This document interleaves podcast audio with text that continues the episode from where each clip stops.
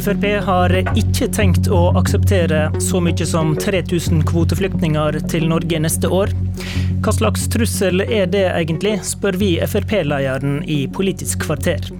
Mens Venstre-lederen lurer på hva slags underlige samfunnsanalyse som ligger til grunn for dette kravet midt i krisetider. Velkommen til Politisk kvarter, Siv Jensen. Takk for det. Regjeringa der ditt parti styrte Justisdepartementet, bestemte for de to siste åra og i år at eh, Norge tar imot 3000 kvoteflyktninger årlig. Det er altså flyktninger utpekt av FN som en er sikre på at har beskyttelsesbehov. Hva gjør at du ikke kan akseptere så mange lenger? Det var jo en del av et kompromiss mellom de daværende fire regjeringspartier. Jeg tror alle vet at Fremskrittspartiet alltid har vært skeptisk til eh, at eh, mottak av flyktninger og asylsøkere skal bli for høyt. Eh, men det var kompromisset i Granavolden-plattformen. Den er ikke Fremskrittspartiet lenger en del av, og vi mener at kostnadene ved å ta imot for mange flyktninger og asylsøkere er for høye. Den regjeringen jeg satt i, så la jeg frem en perspektivmelding hvor vi viste kostnadene ved for høy innvandring til Norge, og at det ville utfordre bærekraften i norsk økonomi over tid. Eh, og vi står nå altså midt oppe i en betydelig økonomisk krise. Finansminister Jan Tore Sanner sa for noen dager siden at han fryktet kollaps for norsk økonomi, og viste til eh, fremskrivninger som også ligger i revidert nasjonalbudsjett, eh, på hva slags forpliktelser vi nå har knyttet til f.eks. fremtidig pensjon. Som beløper seg til ja, over 9000 milliarder kroner. Eller fremtidige forpliktelser knyttet til uføre og etterlattepensjoner, som beløper seg til nesten 1000 milliarder kroner.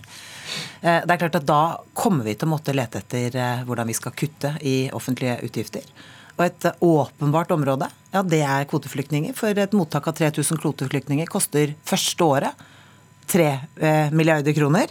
Men livsløpskostnaden ved 3000 kvoteflyktninger er på nesten 50 milliarder kroner. Det sier okay. seg selv at dette koster mye penger for eh, Norge, og her er et åpenbart område å kutte. Men hele verden er jo råka av viruset. Flyktningtallene er fortsatt store, og i noen flyktningleirer så, så kan kanskje viruset også forverre situasjonen. Hvorfor er det da så avgjørende at Norge, som er av de landene med mest ressurser, ikke tar imot flere, eller skal redusere? Jeg mener det er helt eh, nødvendig nå å holde ankomsten av flyktninger og asylsøkere lavt nede. Vi har betydelige utfordringer, og vi har jo også hele tiden sagt at eh, vi får mer igjen for pengene ved å hjelpe flere eh, i nærområdene. Trine Skei Grande, fortsatt leder i regjeringspartiet Venstre, med oss fra heimekontoret. Dette er en underlig samfunnsanalyse, sier du. Hva er gale med den? Ja, jeg var litt sjokkert når jeg hørte det. fordi Her sitter vi da i en pandemi. Det er en kjempestor utfordring for norske helsevesen. Vi har i solidaritet gått sammen for å beskytte eh, både vår befolkning, men også bekjempe dette, dette angrepet på hele vår, vår klode, der vi står sammen både, både innad i landet og mellom land for å bekjempe det. Vi ser norske bedrifter går over ende, vi ser arbeidsledigheten øker. Og så tenker jeg, Hvis eh, du da er partileder som skal kanskje skape flertall for et eh, budsjett, og så er analysen din hva er det viktigste som, eh, som, vi er villige til å kaste en regjering for å få lov til å gjennomføre, og så er det kuttet i kvoteflyktninger. Hvilken samfunnsanalyse er egentlig det, når vi står i de utfordringene som vi er i? Vi vil redde jobber, vi vil redde liv, og så er det kvoteflyktningene som angripes igjen. Vi er i en situasjon der det knapt kommer asylsøkere. Det er knapt noen som kommer til dette landet. Eh, vel å merke er kvoteflyktningstallet i Norge tre ganger høyere nå enn det var f.eks. under de rød-grønne. Det satt Siv Jensen med stor entusiasme navnet sitt på for, for, kun kort tid tilbake. Eh, og så er det sånn at vi vi lever i en verden der dette er svære utfordringer. Og Norge har sin forpliktelse, sånn som alle andre land. Okay. Vi, vi, vi, er ikke så superflinke, men vi er ganske flinke, og det syns jeg vi skal være. Grande, vi gir utfordringer videre. Hva slags samfunnsanalyse er dette? Jeg mener det er en veldig god samfunnsanalyse. Det er jo helt riktig at nå har alle partiene stilt opp eh, og i hurtigtogsfart eh, behandlet eh, tiltakspakker for å redde bedrifter fra å gå over ende og for å gi folk midler til opphold i en situasjon hvor de mister jobbene. Men det som er avgjørende fremover, er jo at vi holder hjulene i gang, og at vi får flest mulig ut i jobb. Men vi kommer altså til å ha mindre penger. Det har finansministeren i, i, landets regjering vært veldig tydelig på, og da må vi faktisk spare. Og jeg syns jo det er underlig at, at, det er helt fraværende fra Trine Skei Grande samfunnsanalyse. Nå har ikke jeg sagt at det eneste avgjørende for statsbudsjettet for 2021 er kvoteflyktninger. Men dette er ett av våre krav når vi skal sette oss ned og forhandle med regjeringen, og ingen må være overrasket over at vi mener det er lurt å kunne spare milliarder av kroner på dette området, når vi også skal trygge folks velferd fremover. Grande, det er kanskje tid for å fokusere fokusere på hva vi har råd til? Ja, det er det helt soleklart. Og vi, det er mye vi må gå gjennom framover for å sørge for at det kommer i balanse. Men at vi skal liksom fjerne hjertet vårt i det arbeidet, det mener ikke jeg. Det er ikke de aller svakeste som skal tas når vi skal se på dette. Da er det mange andre ting. Det er faktisk mange andre ting jeg og Siv Jensen tror jeg er enige om at vi må ta tak i istedenfor å angripe de aller svakeste. Og Når det handler om bærekraften på samfunnet vårt framover, så vet vi jo at uh, nyttårstalen til Erna når jeg og Siv satt sammen i regjering, handla f.eks. om at vi må få flere barn. Bærekraften i samfunnet vårt handler om at vi må få flest mulig som jobber og bidrar inn i fellesskapet. Det handler om å skape jobber, skape bedrifter, skape det som er med og bidrar inn til fellesskapet. Og det er faktisk sånn at Vi også da trenger litt folk utenfra. Og det kommer knapt noen over den norske grensa akkurat nå, til å være med og bidra til bærekraften i det norske samfunnet. Og Det er kanskje her vi har litt ulik eh, samfunnsanalyse. på at Jeg mener at vi også må kunne åpne for at folk fra andre land må komme og kunne bidra til det okay. norske Men det å, det å, importere arbeidskraft i en situasjon hvor arbeidsledigheten i Norge er på sitt høyeste på mange Nei, mange tiår, det er jo en, rett og slett skivebom fra Trine Skei Grande. Og det er jo ikke sånn at vi er på jakt etter å ta de aller svakeste. Snarere tvert imot så viser jo alle fremskrivninger og beregninger at den beste måten å hjelpe flest mulig på, ja, det er altså å styrke bidragene til å hjelpe folk i nærområdene der de er. Og det å nå skulle begynne å signalisere at man skal ta imot flere flyktninger eller asylsøkere, ja, det er i hvert fall ikke noe bidrag til å sikre at folk eh, at... ikke tar disse farlige reisene over Middelhavet. Har du grunn til å tro at regjeringa vil ha dette tallet opp? Nei, Jeg vil anta at regjeringen eh, forholder seg til Granavolden-plattformen. Det er det statsministeren har sagt. Men den, ja. Eh, den gjelder altså ikke for oss lenger. Men nei, bare, men hva mer kan du kreve av Erna Solberg, da? Nei, vi kom... forholder seg til Granavolden-plattformen, som sier 3000? Nei, eh, det er statsministeren som har sagt at hun vil forholde seg til Granavolden-plattformen. Fremskrittspartiet ønsker jo at antallet kvoteflyktninger skal bli lavest mulig. Eh, men vi får jo nå se da hva regjeringen legger frem når statsbudsjettet kommer til høsten. Men la meg si det sånn. Ja, men hvis, hvis, ikke... nei, men eh, vi må spørre om dette. Hvis ja. ikke regjeringen gjør som du sier, hva da? Altså, Vi eh, skal jo sette oss ned og forhandle et statsbudsjett med regjeringspartiene. Vi kommer til å gå inn i de forhandlingene med mange krav. Og som jeg sa i stad, av kravene våre kommer til å være at eh, antall kvoteflyktninger skal ned. Et annet krav vi helt garantert kommer til å ha, er at nivået på norsk bistand bør reduseres. Det er også et eh, beløp som ikke står seg. Husk at det er jo sånn okay, da, da, har du nevnt to krav. Ja. Truer du med å trekke støtten til regjeringa hvis du ikke får dette gjennom? Dette er jo ikke sånn man forhandler. Fremskrittspartiet vil jo gå inn i forhandlinger med en liste med krav som vi ønsker å ha igjennom. Og så er det jo forhandlingene som avgjør om vi blir enige eller om vi ikke blir enige. Og hvis ikke? Ja, Da får vi ta stilling til det når, eh, hvis den situasjonen skulle oppstå. Bør Erna Solberg oppfatte en trussel? Dette er ikke en trussel. Dette er en, en kravliste fra Fremskrittspartiet. Eh, og så vet Erna Solberg utmerket godt, hun har ledet eh, flere mindretallsregjeringer, at man må forhandle i Stortinget for å få flertall. Eh, jeg vet det også. Jeg har sittet i mindretallsregjering sammen med Erna Solberg og forhandlet med Trine Skei Grande da hun satt i opposisjon. Eh, Venstre hadde mange krav, de også, som det var viktig for dem å få innfridd da de forhandlet Trine med oss. Trine Skei Grande, hva hører du her?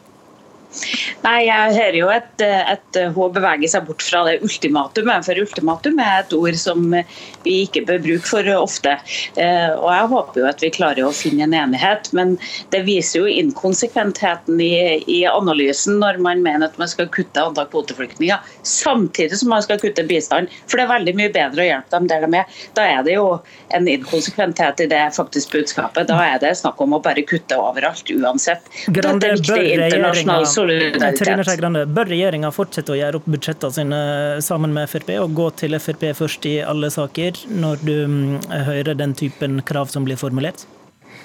Det er ikke noe overraskelse hva Frp mener, men jeg har vært med når Siv Jensen med stor entusiasme satte navnet sitt under 3000. Jeg vet at dette, dette har gått helt fint før. Jeg håper jo at det går fint til høsten. Ja, altså, Du må ikke legge, uh, fargelegge meg, Trine, fordi jeg har aldri hatt stor entusiasme uh, hva gjelder å ta imot 3000 kvoteflyktninger. og Sannheten er jo at det vi gjorde på Granavolden, var jo å sette det som et uh, absolutt tak.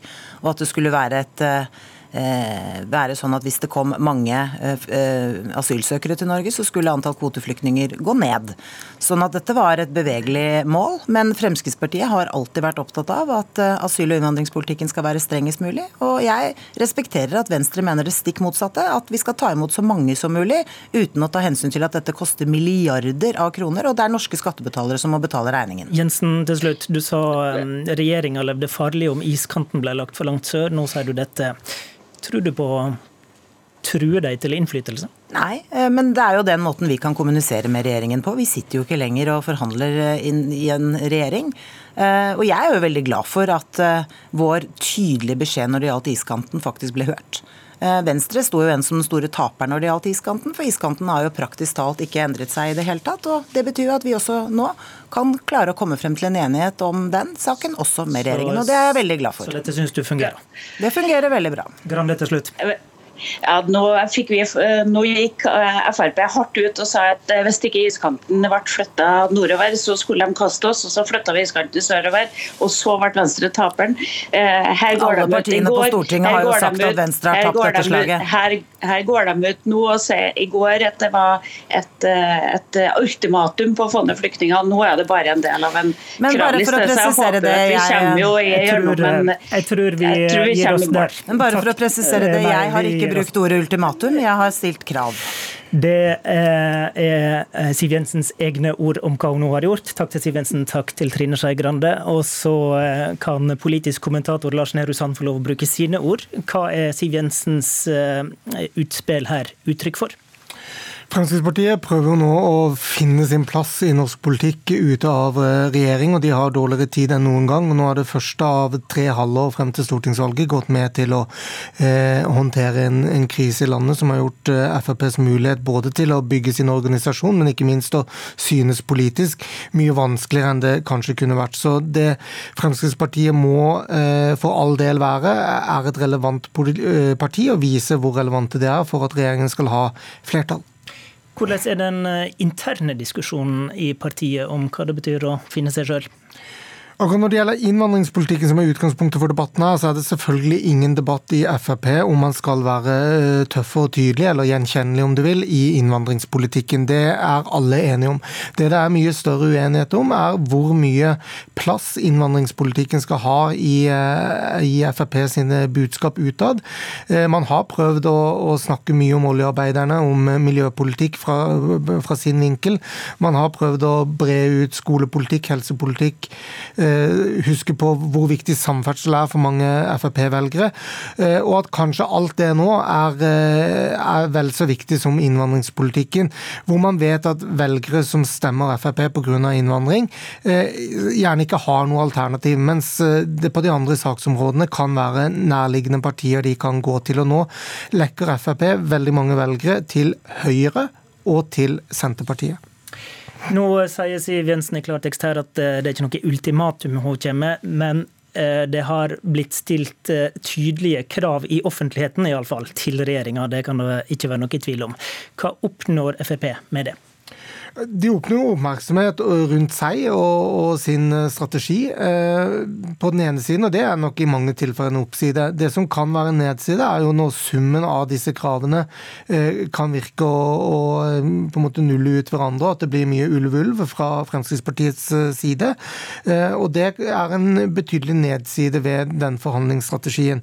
Men, men, det er viktig for, for Frp også å huske på at det at de skal være et parti som som selv velger når de forholder seg til Granavolden-plattformen, virker provoserende på den regjeringen de skal forhandle eh, med. Og Da vil man kunne si at det er lurt å velge de eh, tilfellene med, med omhu, og, og at det påvirker også hvor effektiv den strategien vil være.